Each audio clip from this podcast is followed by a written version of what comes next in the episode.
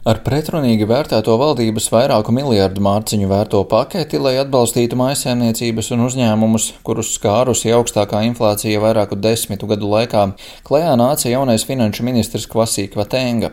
Vairāki tā dēvētā mini budžeta punkti radīja sašutumu, piemēram, banķieru prēmiju griestu atcelšana. Finanšu ministrs ierosināja arī samazināt iedzīvotāju ienākuma nodokļa likmi lielāko ienākumu guvējiem no 45% līdz 10%. Paredzēt paredzēti arī vēl citi pasākumi, taču pamatā valdības piedāvājumu var raksturot kā nodokļu samazināšanas plānu turīgākajiem sabiedrības locekļiem, un plāns ievērojami palielinās aizņemšanos. Valdības plāns izraisīja satricinājumu pašā Lielbritānijā. Opozīcijas partijas, liela daļa sabiedrības un pat konservatīvie deputāti bija skeptiski. Skeptiķi norāda, ka aizņēmumu palielināšana ir neprāts un ka iepriekšējās nodokļu griešanas valstī nav veicinājušas investīciju ieplūšanu. Izskan viedokļi, ka šis plāns nevis risinās vienkāršo ļaužu problēmas, bet atvieglos dzīvi turīgajiem. Es esmu piesardzīgs par šo plānu, jo tie nav turīgie, kas tagad cieš no problēmām pasaulē. Ja tu esi tik veiksmīgs, ka tev jāmaksā šī lielākā ienākuma nodokļa likme, es neticu, ka tev ir grūtības samaksāt rēķinus. Tev varbūt nepatīk maksāt vairāk, bet tu to vari atļauties.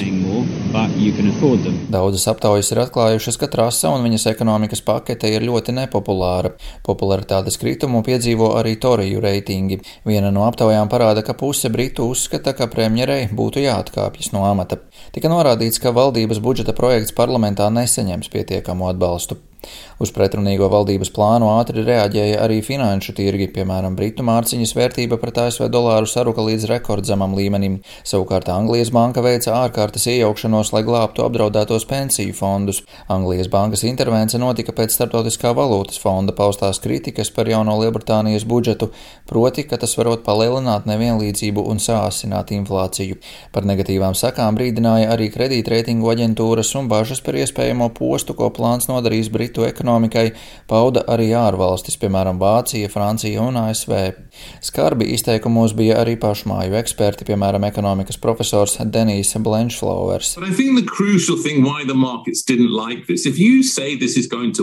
Galvenais iemesls, kādēļ tirgiem tas nepatika, ir, ja jūs sakāt, ka tas strādās, tad to nepieciešams pierādīt ar cipariem, bet to nav.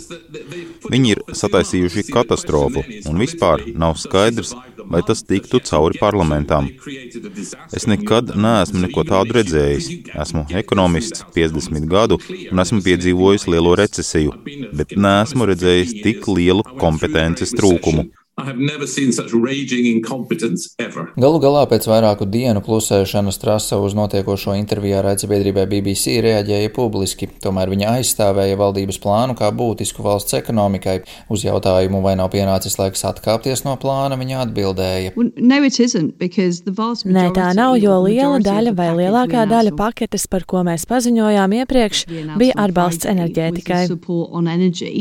Spiediens nemazinājās. Vēl aizvadītajā nedēļas nogalē simtiem protestētāju, kuri bija sašutuši par valdības rīcību, pulcējās Birmingemā, kur notika Toriju kongress. Māsu demonstrācijas notika arī Londonā un citviet. Svētdien trasa atzina, ka viņai vajadzēja ielikt labākus pamatus savā plānā, tomēr viņa joprojām pieturējās pie pretrunīgi vērtētā plāna, kas atgriezīšot Lielbritāniju pie ekonomikas izaugsmes. Valdības visā pasaulē pieņem smagus lēmumus, un es ticu, ka aizņemšanās palielināšana šoziem ir pareizs lēmums. Mēs esam otrie mazākie aizņēmēji G7 valstu vidū, un cilvēki to saprot. Protams, vidējā termiņā mums ir jāsamazina aizņemšanās, un man tam ir plāns, bet būtu nepareizi, ja mēs nereaģētu uz lielajiem rēķiniem, ko saņem ģimenes uz ekonomikas lielāku palielināšanos un uz konkurētspējas samazināšanos. Es esmu bijusi godīga attiecībā uz to, ka mums vajadzēja ielikt labākus pamatus. Pirmdien valdība tomēr piekāpās. Tiesa daļēji, jo netiek teikts, ka plāns kā tāds ir bijusi kļūda. Finanšu ministrs nāca klajā ar paziņojumu, ka no plāna tikšot izņemta augstākās ienākuma nodokļa likmes samazināšana, jo šis priekšlikums esot novērsis uzmanību no citiem budžeta projekta punktiem. Uh,